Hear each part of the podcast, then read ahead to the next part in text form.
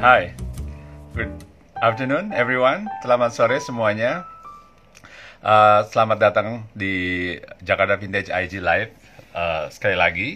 Uh, hari ini kita akan uh, kedatangan uh, tamu, teman, uh, seniman uh, namanya Atreyu Moniaga. Panggilannya Atre. Ini udah uh, sekitar mungkin lima tahun uh, saya kenal dia sebagai artis dia. Oke, okay, sampai sekarang sangat konsisten. Uh, topiknya uh, nanti kita tanya ke Atre, tapi kurang lebih uh, bagaimana sih uh, artis melihat uh, krisis ini, gitu ya. Uh, kemudian uh, bagaimana uh, menyikapi uh, kehidupan yang berubah, kemudian juga soal pameran yang dibatalkan dan lain-lain. Oke, nah ini Atre udah datang. Hai, Mas Lutfi, apa kabar? Baik, baik, baik. Ini di rumah? Mm -mm. Di apa? Kamar kerja. Ada oh, okay. lukisanku okay. di belakang. Ah, oke, okay, ya, ya, aku lihat. Bagus, backgroundnya bagus. Ini uh, lukisan juga. Lukisan juga di belakang, cuma bukan lukisan sendiri. Itu lebih bagus soalnya lukisan sendiri. Oke, okay. Tadi aku baru aja kasih intro sedikit uh, mengenai Atre sebagai seorang seniman. Uh, ya. Tadi aku bilang bahwa uh, kenal Atre itu sekitar lima tahun yang lalu. Oke, okay, lima di... tahun yang lalu. Iya, lima ya. tahun yang enam tahun yang lalu sih sebenarnya mas 2014. Waktu kita bikin uh, Jakarta Do Art. Nggak, ya, pertama kali kenalan. Bu, salah. Pertama kali kenalan. Pertama kali kita kenalan itu, aku ya. lagi jualan karya di parkiran mobil di kayak Sunday Market gitu. Ah, oh ya, mm-hmm. oh, yeah. oh jadi bukan di Pondok Indah Mall itu kita bikin Jakarta Do Art atau di pameran pameran bukan. tunggalnya Nahe itu bukan ya? Sebelum sebelum itu itu apa? Kita okay. perkenalannya jauh lebih humble oh, okay. lagi. Oke. Oke. Oke, oke. Udah enam tahun ya.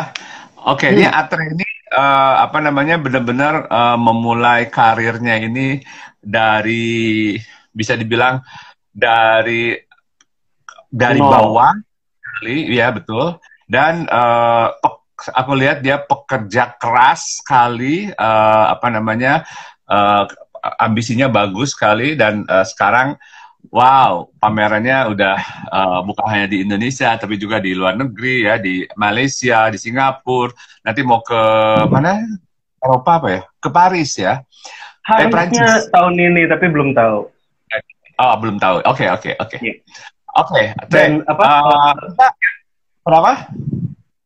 Uh, sebenarnya ada satu fakta yang sangat sangat menarik bahwa yes uh-huh. orang pertama yang beli original artwork aku itu Mas Lutfi.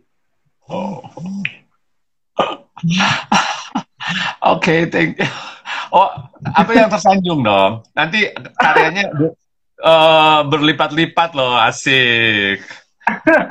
itu uh, di toko V tuh aku inget banget. Aku taruh karya original, uh, aku jual, tapi waktu itu sama sekali nggak ada kepikiran bahwa akan ada yang beli karena nggak punya experience itu kan. Jadi aku tahu ya cuman jualan tuh orang tuh cuman mau beli tuh art prints karena ha harganya tuh ya masuk kantong lah gitu. Ya. nah waktu itu uh, aku ingat tuh Mas Lutfi lewat gitu terus kan dipanggil sama Mahe kan. Mas Lutfi okay. gitu. Kita kenalan ngobrol bentar terus Mas Lutfi bilang nah. itu karya kamu. Terus aku bilang e, iya Mas. Uh, dijual gitu. Bilang iya gitu. Terus um, Mas Lutfi nanya harganya berapa. Terus aku bilang harganya segini gitu. Terus Mas Lutfi uh, apa bilang gini ah tapi saya nggak bawa uang. Saya ke ATM dulu ya terus nanti balik lagi. Terus waktu itu aku yang kayak oh just another story gitu kan. Terus aku Mas balik Lutfi ya? balik. Jadi Mas Lutfi datang um, terus beli karyaku dengan harga lebih mahal daripada yang aku tawarin Serius? Aku nggak ingat. Terus Mas Lutfi bilangnya gini, abis ini karyanya harganya nggak boleh di bawah ini ya. Gitu. Oh. So you actually kind of started oh. everything. Aku nggak ingat sama sekali, nggak ingat ngomong gitu juga, nggak ingat uh, apa. Nggak ingat. Dan Biasa itu di orang toko kalau ya? orang kalau berbuat baik biasanya nggak inget mas, yang kena yang inget terus. Oke, ganti topik. Oke, eh, kita mau. Oke, Atreyu ini, oke, Ya. teman-teman sebenarnya sih teman-teman udah udah banyak yang tahu mengenai Atre ini followersnya Atre eh, banyak banget soalnya. Tapi ini bagi yang belum kenal Atre, ya, ini Atre ini eh, apa namanya? Selain sebagai pelukis dan ilustrator, juga punya satu eh, sebenarnya project namanya Atreyu Moniaga Project. Itu dia mengumpulkan artis-artis muda, kemudian di manage, di dikasih mentoring gitu ya, segala macam dibik- dibikinin pameran, rame-rame ada yang segala macam. Nah, pokoknya eh, promoting yang artis juga gitu ya. Eh, dan itu udah berhasil. Kalau menurut saya ukuran berhasil itu karena udah masuk media, kemudian juga udah pameran beberapa kali, kemudian artis-artisnya udah independen sekarang, yang udah yang alumni Atrium Moniaga Project. So, oke, ini se- jadi sebagai selain sebagai artis juga sebagai bisnis bisnisman sebenarnya ya. Jadi sebagai pengusaha Oh. juga, iya kan? Eh, karena dia punya Iya, iya. usaha kan, jadi klien, ngerjain project buat brand, buat buat apa eh, perusahaan-perusahaan gitu. So it's Oh, it's, ada it's really good. Apa? Ada jenis join. Oke, back to our topic. Oke, eh, tadi sedikit introduction mengenai Atre, kemudian Tre, eh, ini sekarang nih kita di karantina di rumah, terus kita eh, kegiatan kegiatan kita tiba-tiba harus berhenti. Oke, kegiatan yang sehari-hari maupun kegiatan yang udah direncanakan berbulan-bulan bahkan setahun sebelumnya kayak pameran gitu kan. Atre nanti harusnya kan tanggal 17 kemarin ini itu kan pembukaan Art Art Moment. Nah, oke. Terus gimana dong ngelihat ini? eh kayak apa ya? Kayak first thing first sebenarnya kalau masalah eh, aktivitas, em, aktivitasku it's just like another Saturday karena eh ya aku emang kerjanya kan di rumah kan. Em, kayak terkait sama art moments yang dipostpone, aku aku sebenarnya nggak terlalu apa ya kayak kayak ada satu ide di kepalaku itu bahwa em, aku bukan pihak yang paling dirugikan dalam postpone ini gitu. Ada panitia, ada sponsor, ada galeri, ada apa. Jadi em, apa ya sedikit banyak tuh karena aku mengetahui bahwa we're in this together, so we kind of like having a the same situation and their situation could be worse. Eh, jadi rasanya kayak ya udah selama semuanya masih manageable dan semuanya bisa didiskusikan, semua bisa di apa ya dibicarakan dengan um, Hmm. dengan kepala dingin, um, situasi harusnya lebih tetap bisa terkendali sih. Karena gini, um, tentunya kalau berdasarkan hati aja kan ya pasti sedih, tapi tapi ada ada banyak hal yang lebih penting daripada perasaan kita gitu untuk saat ini menurutku. Jadi em, apa ya? eh, menurutku sekarang justru saatnya kita untuk nggak cuman lihat kita ruginya berapa, tapi eh, secara ekosistem tuh kayak gimana nih, terutama di ekosistem bekerja antara galeri, event organizer dan seniman gitu. Kayak kita jatuh sama-sama, jangan jangan men- aku aku kayak berpikir bahwa jangan kita jangan memulai kita jangan jadi orang yang memulai narasi untuk bilang bahwa saya yang posisinya paling sial gitu. Oke, jadi Atre justru ngelihat ini secara positif dan bahkan bisa dibilang bijaksana sekali loh. Ha, itu apa? Seriously, eh, itu eh, sangat menarik karena oke bisa dibilang kan Atre kan masih muda ya, 17 tahun kan? 30. Udah. Eh, maksudnya sebagai artis muda statusnya gitu, tapi melihat ini secara positif dan bahkan bijaksana melihat bahwa banyak orang lain yang juga dirugikan dan mungkin lebih rugi pegawai galeri, IO dan segala macam ya, bukan hanya misalnya eh, apa Atre sendiri sebagai seniman gitu ya. Eh, itu itu apa namanya sikap seperti itu datang dari mana?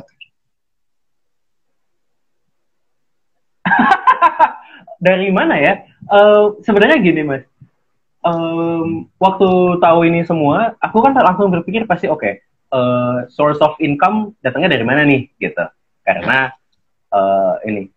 Lalu di satu sisi aku aku berpikir juga yang paling sialnya terjadi ke aku sebagai seorang seniman, sebagai seorang pelukis itu adalah nggak dapat uang. Ya.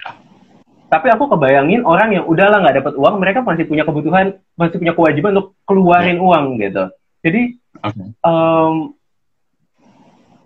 kalau itu kayak masih nggak, kayak nggak, aku aku nggak akan merasa nyaman untuk menteror pemikiranku sendiri gitu soal uh, bagaimana hidupku akan menjadi sulit di saat aku tahu bahwa uh, ada banyak orang juga yang udahlah sekarang nggak ada pemasukan, pengeluarannya tuh uh, tetap nggak bisa dihentikan gitu karena um, ya satu dan dua hal. Nah, terus di AMP juga sih. Jadi aku dan Jenif juga kan kita ada pengeluaran untuk uh, monthly expense kita kan yang uh, bayar listrik, bayar tagihan-tagihan, bayar karyawannya Jenif juga. Jadi itu dan itu kan skala kecil tuh kami adalah UKM kan.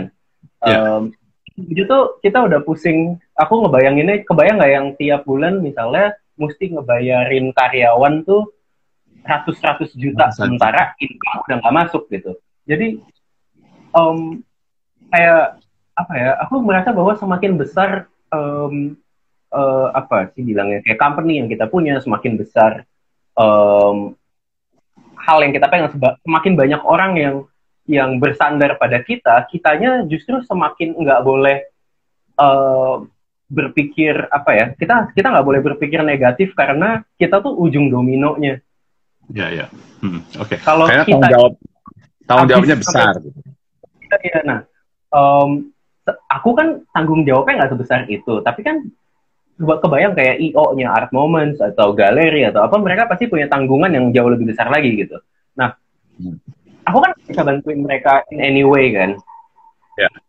Jadi yang bisa yang bisa ku bantu kepada mereka adalah untuk tidak memperkeruh suasana dengan ranting out about the situation gitu.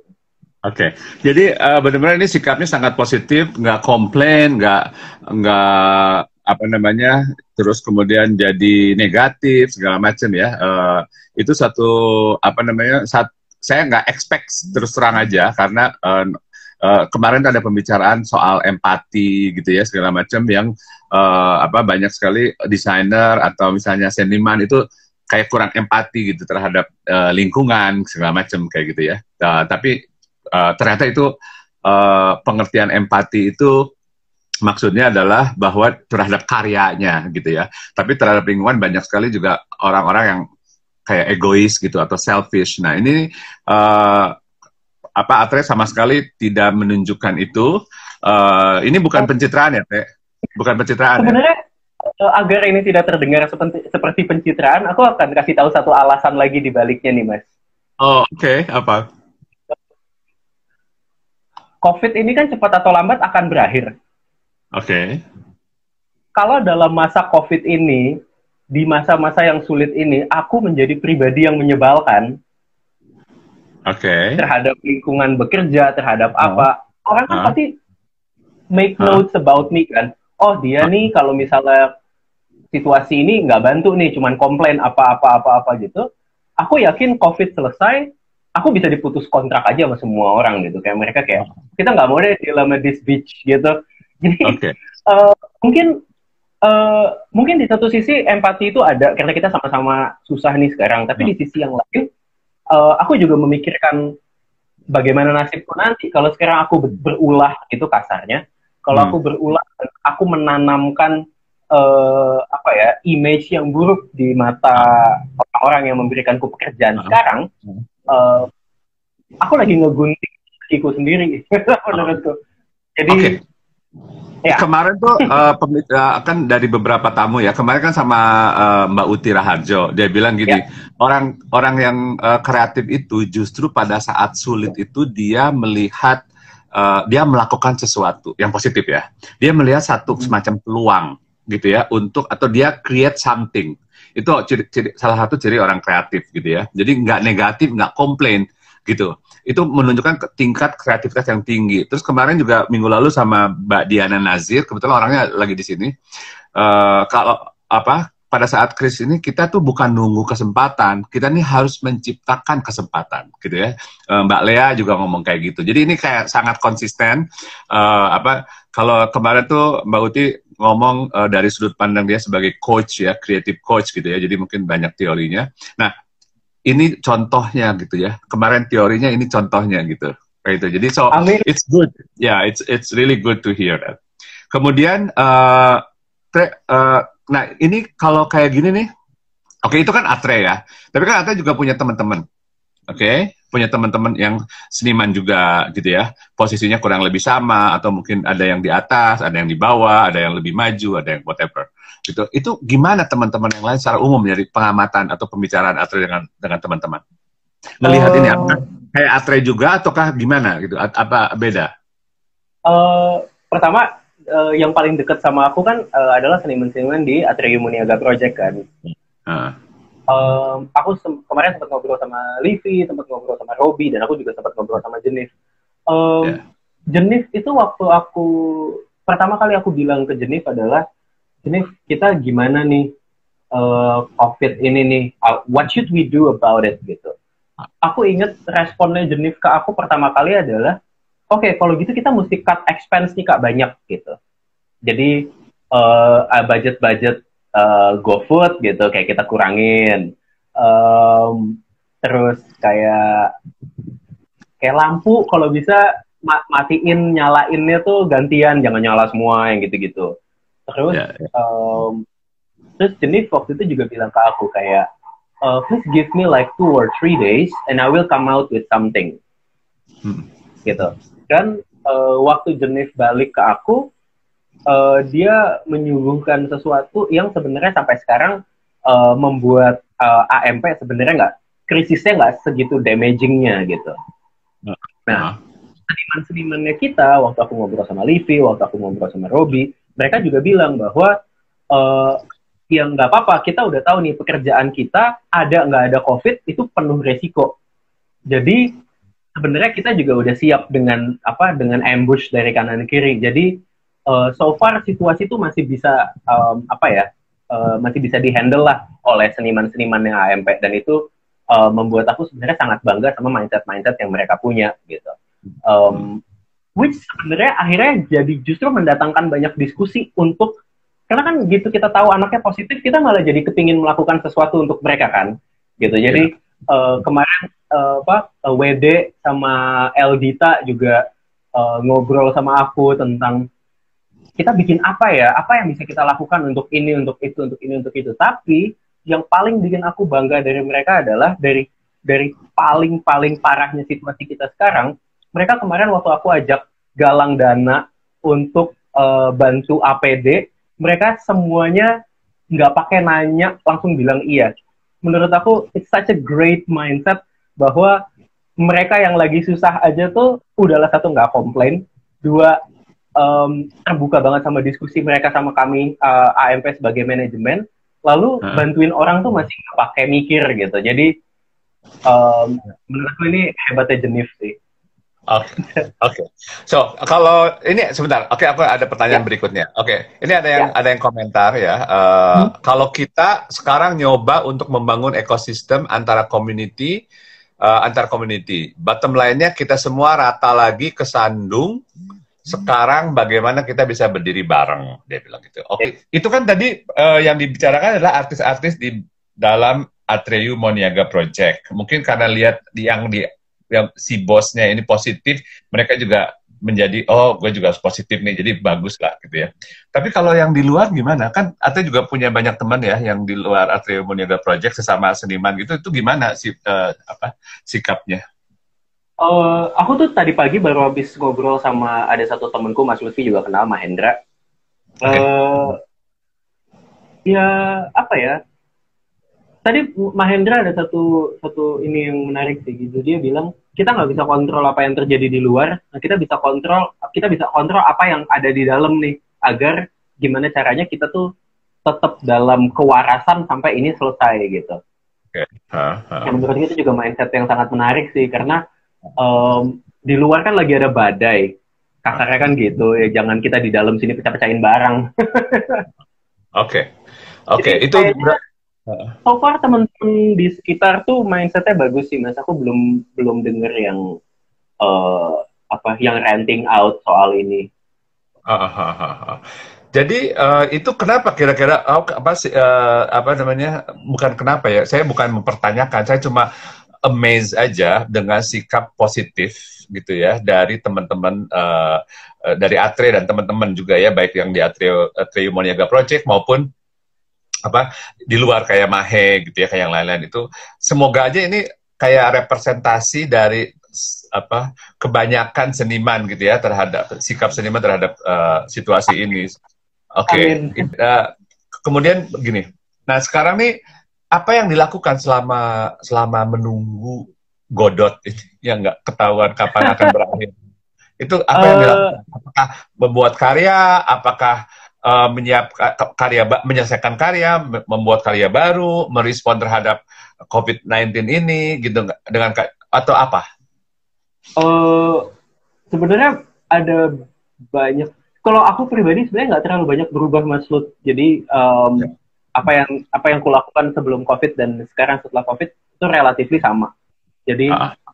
um, ya bikin karya karena sekarang tuh jadi lebih apa ya lebih banyak free sketching karena menurut aku dengan bikin sketsa aku terhindar dari pemikiran-pemikiran negatif karena jujur aja waktu waktu COVID nih baru booming nih itu tiap hari itu aku cuman mantengin apa berita gitu sampai uh, temenku namanya V V Handoyo dia tuh sampai WhatsApp aku bilang kayak lo kayak jangan jangan tiap menit refresh CNN Indonesia gitu jadi um, karena kan kita juga butuh kesehatan mental kan untuk jalanin ini gitu jadi ya, ya, um, ya. mantengin news tiap waktu tuh juga bukan adalah hal yang baik gitu jadi ya. um, aku akhirnya mengalihkan itu ke free sketching jadi ya udah aku bikin sketsa aja lah nggak tahu apa gitu nonton video klip video klip yang bagus-bagus. Dan um, ini sekarang sama si Evan lagi dibawain video game jadi kayak main video game gitu. Jadi um, ya udah mulai bercocok tanam yang biasanya kan cuma bercocok tanam yang bunga-bungaan gitu sekarang udah mulai yang kentang-kentang ubi gitu. Lama-lama padi ya.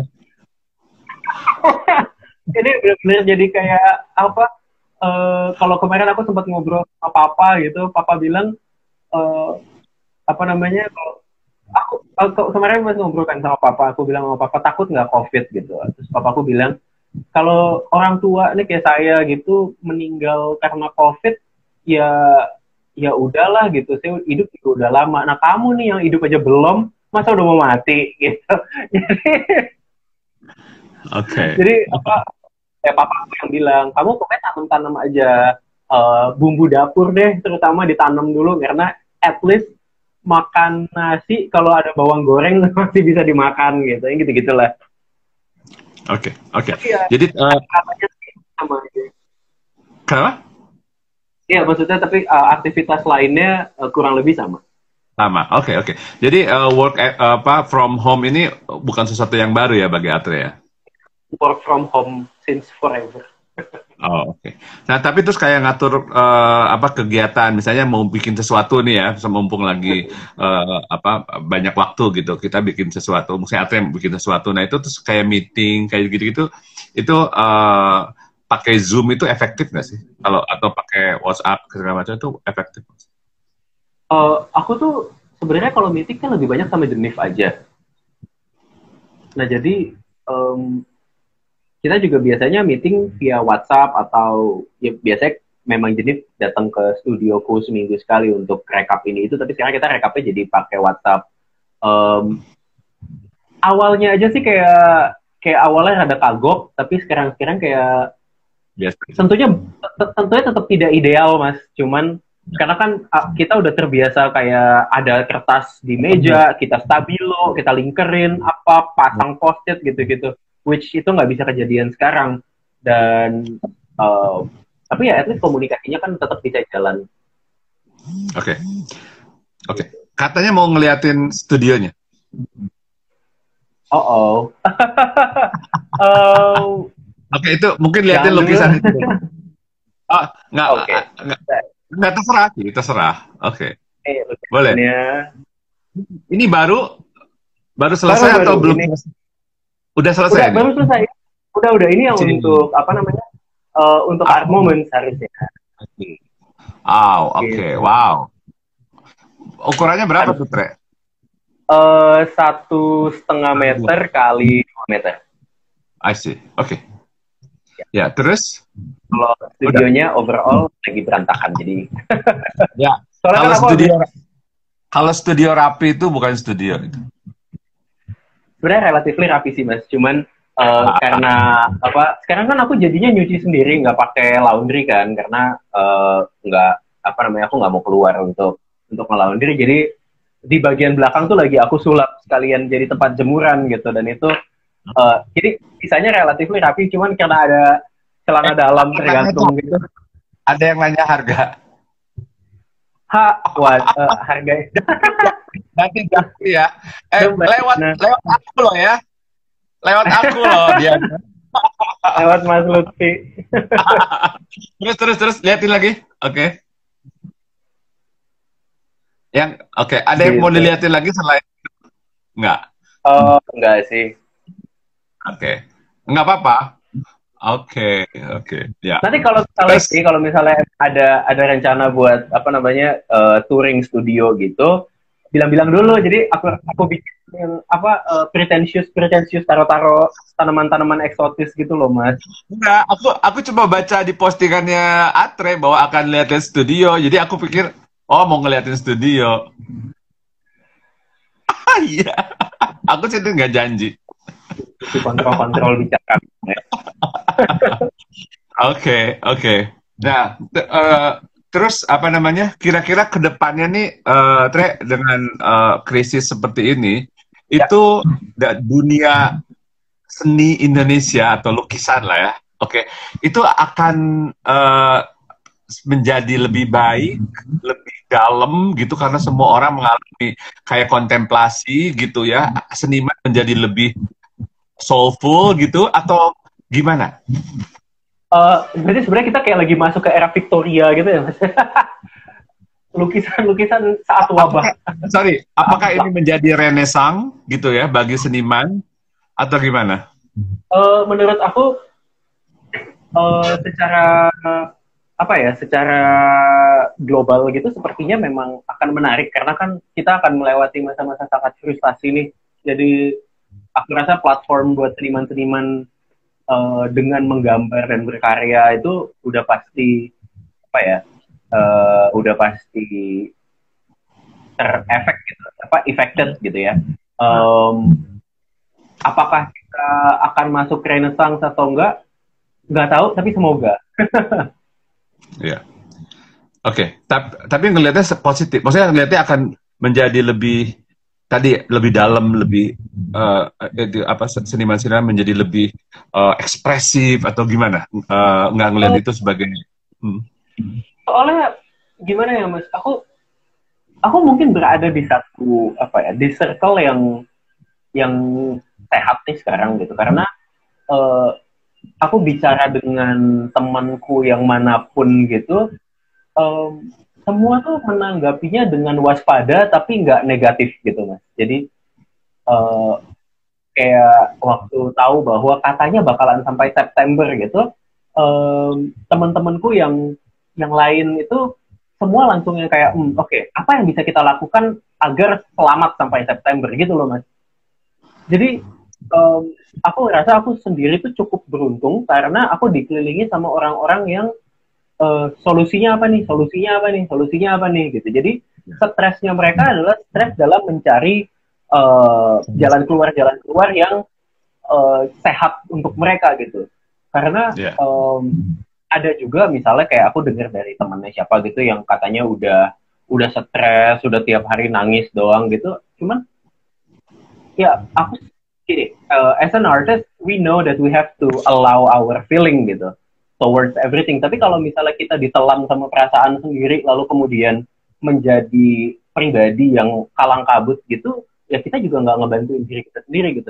Apalagi let alone misalnya mesti nolongin orang lain misalnya punya keluarga atau papanya udah berumur itu ya bahaya sih menurutku jadi di situasi kayak gini kita jangan apa ya jangan justru kayak nambahin eh, kepenatan kita dengan hal-hal yang sebenarnya tidak bisa kita tanggulangi gitu Oke, oke.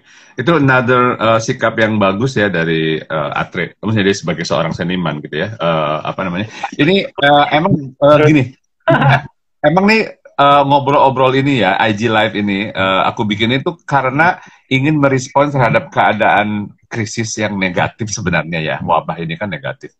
Tapi secara positif gitu ya. Dan ini makanya uh, dan ini semangatnya tuh kurang lebih sama. Hampir semua pembicara bukan hampir, semua pembicara yang uh, teman-teman yang hadir di IG Live dari seminggu yang lalu lebih itu, itu semuanya tuh uh, pesa, apa uh, pesannya tuh kurang lebih sama, sangat positif, kreatif gitu ya.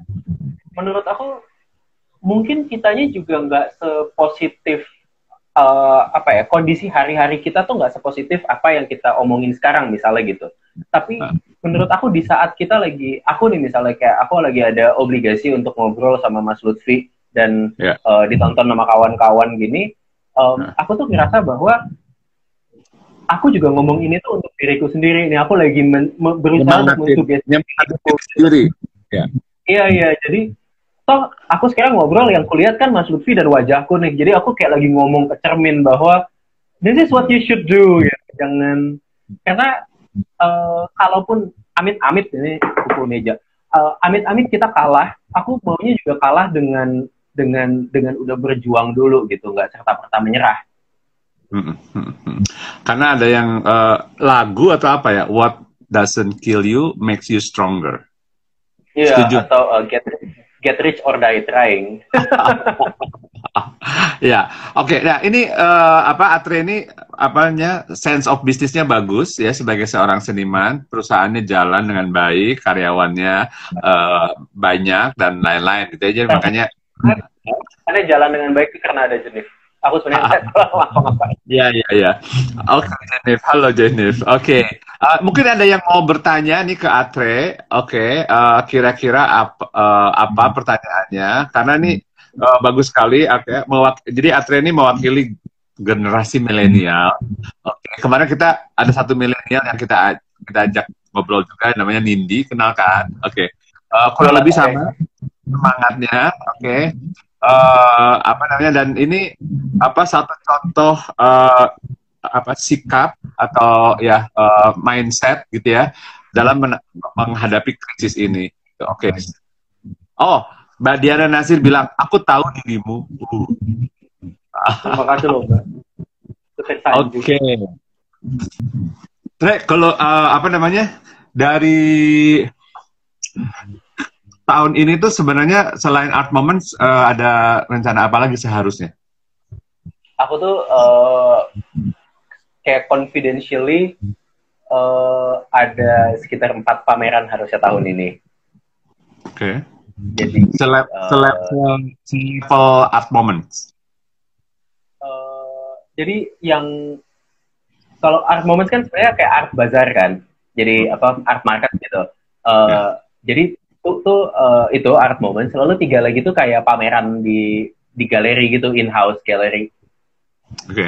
Nah, eh, satu di dalam negeri, dua itu di luar negeri. Salah satunya yang di di Prancis yang kemarin aku cerita ke Mas Lutfi. Nah, em, jadi ya itu ya sekarang situasinya terombang ambing lah. Oke. Jadi itu semua ter eh, apa ditunda semua ya berarti. Eh, kalau yang di apa? Kalau pameran yang di luar negeri itu kan sebenarnya di semester 2 nanti kan. Ya. Nah, Ah, hopefully kalau misalnya apa kalau misalnya ternyata si COVID-19 ini em, beneran bisa selesai sebelum eh, semester 1 habis, hopefully yang semester 2 nggak terlalu terganggu. Tapi kalau misalnya kayak lewat Agustus masih eh, situasinya masih gonjang-ganjing gini, aku rasa pasti akan ada kebijakan-kebijakan yang eh, akan sedikit apa ya sedikit eh, melukai hati lah. Oke. Jadi ada pertanyaan nih. Eh, ini pertanyaan teknis. gimana caranya bisa menjaga energi buat atau selama melukis ukuran besar? Iya tuh, aku juga pengen tahu gimana caranya. Uh, ini uh, mungkin jawabannya adalah bikinnya jangan uh, jangan susah-susah kayak Muli gitu. Muli kalau bikin tuh intricate banget gitu karyanya. Tuh. Detail. Oh, oh. Muli ini kaligrafer yang keren banget. Jadi uh. uh, Mas Lutfi kalau lihat karyanya kayak padahal manual pakai tangan gitu tuh kelihatannya kayak digital light. Oke, okay. oke okay, aku lihat. Terus terus gitu. Nah ini pertanyaan dari ben, Benu. Benu nih uh, teman lama. Gimana empower artist community dan gimana kira-kira kalau ada seniman yang nyebelin? Oh ada, baru tahu. Saya kalau ada seniman yang nyebelin ya saya hindarin aja. iya, kayak orang nyebelin pokoknya nggak usah dideketin lah ya, jauh-jauh ya. Apa katanya Evan? Jadi Evan tuh dulu pernah ngomong gini. Uh, jadi ada Evan Aditya dia yang punya Show the Monster teman-teman kalau lihat karyanya juga keren. Jadi um, Evan tuh dulu pernah bilang kalau lo kesel sama orang, terus akhirnya itu membuat lo jadi mikirin orang ini, anggaplah tiap kali lo mikirin dia lo mesti bayar seribu. Nah lo rela nggak bayar seribu buat mikirin orang itu gitu. Ini kayak, oh, jangan seribu juga. dong.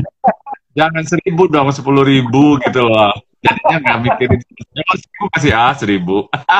Jadi kalau ada seniman yang kebelin, saya sih biasanya buang muka aja. Jadi kayak um, atau ya ramah tamah aja, nggak usah punya hubungan yang lebih dekat daripada sekedar uh, sopan santun gitu. Emang masih ada ya uh, seniman yang nyebelin? Aku udah lama nggak ketemu.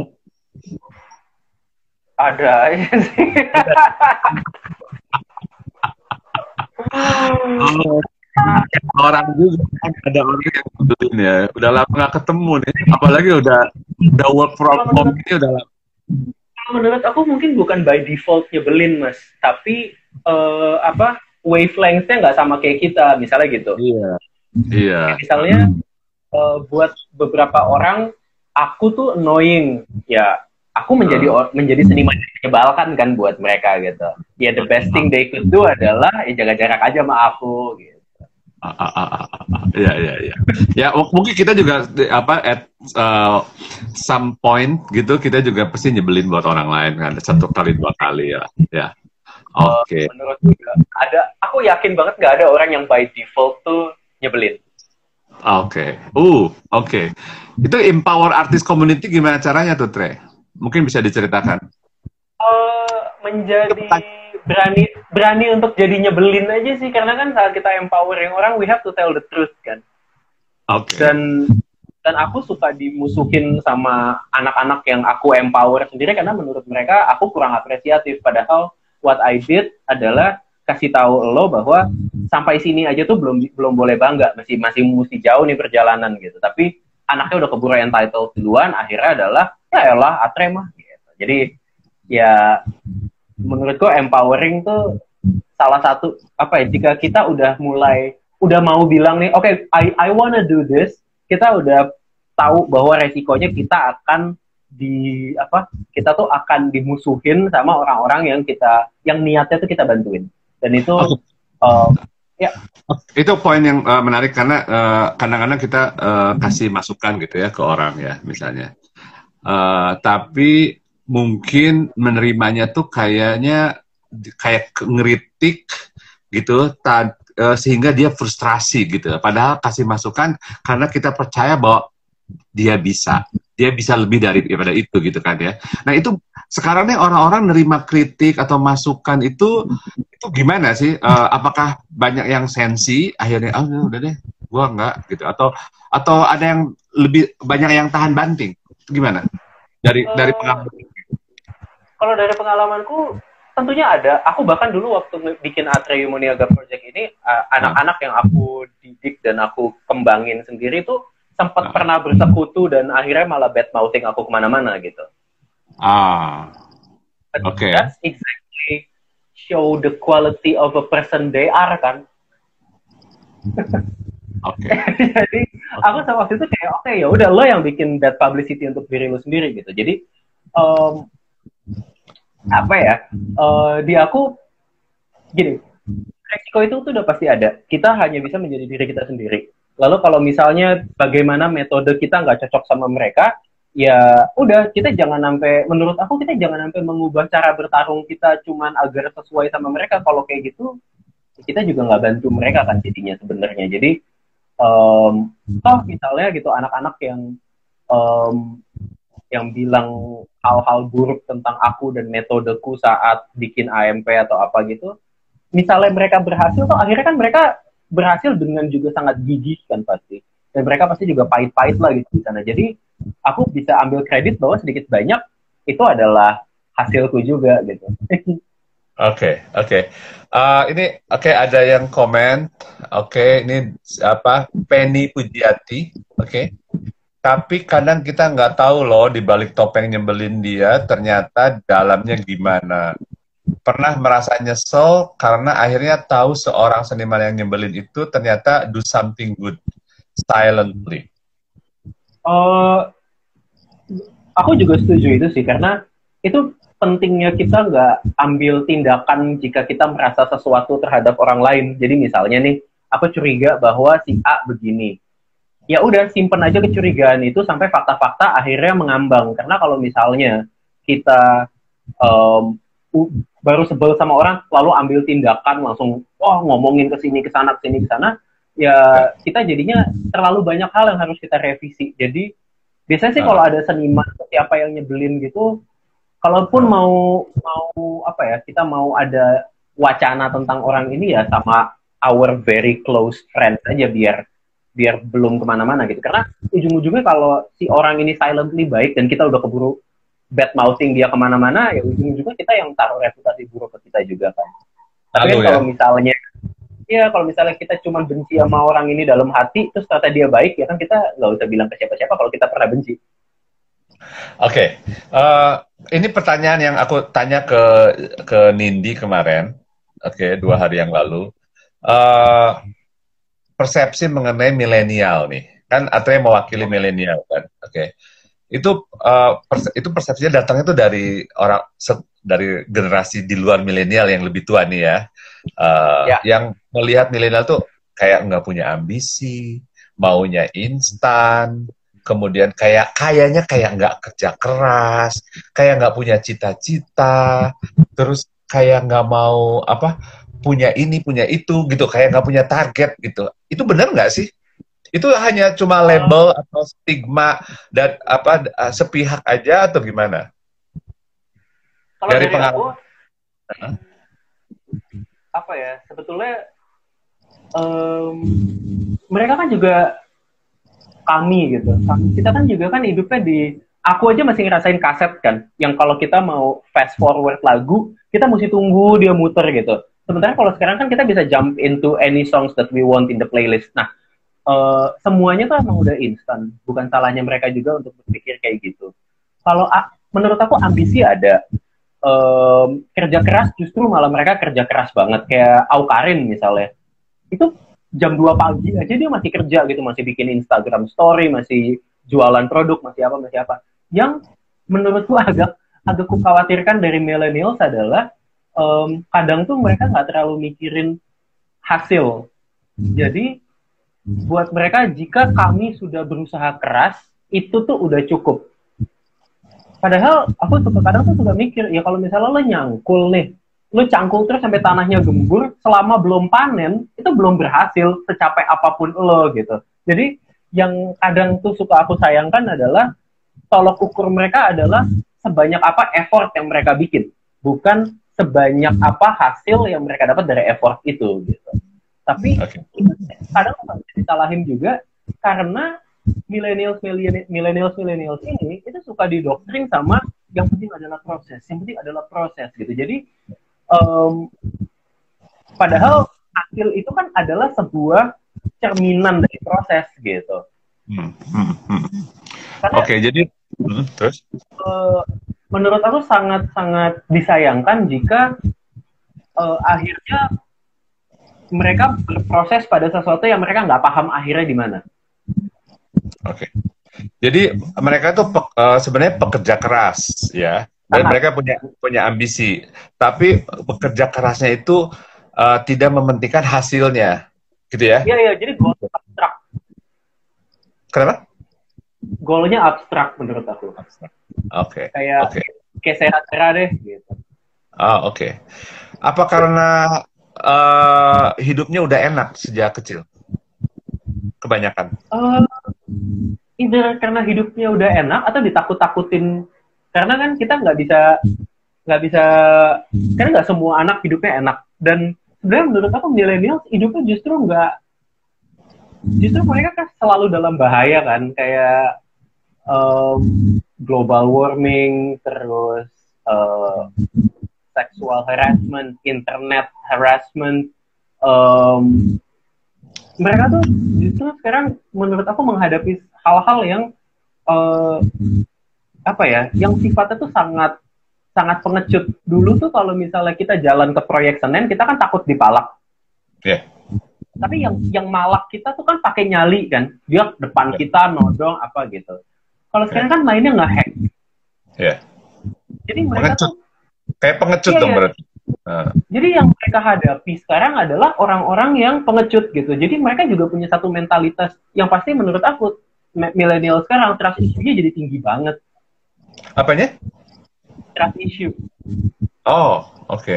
karena mereka bisa ditipu sama orang yang kenal sama mereka di internet mereka salah login aja nanti bisa di apa Instagramnya dihack foto diumbar-umbar sama orang nggak tahu gimana jadi em, untuk apa ya untuk mengkotakkan mereka pada satu satu kubus di mana kubus ini adalah kubus negatif tentang bagaimana mereka oh tidak bertanggung jawab malas atau apa atau apa atau apa menurutku agak sulit di saat kita juga mesti lihat bahwa mereka tuh diteror 24 jam oleh apa ya dunia digitalan ini gitu loh.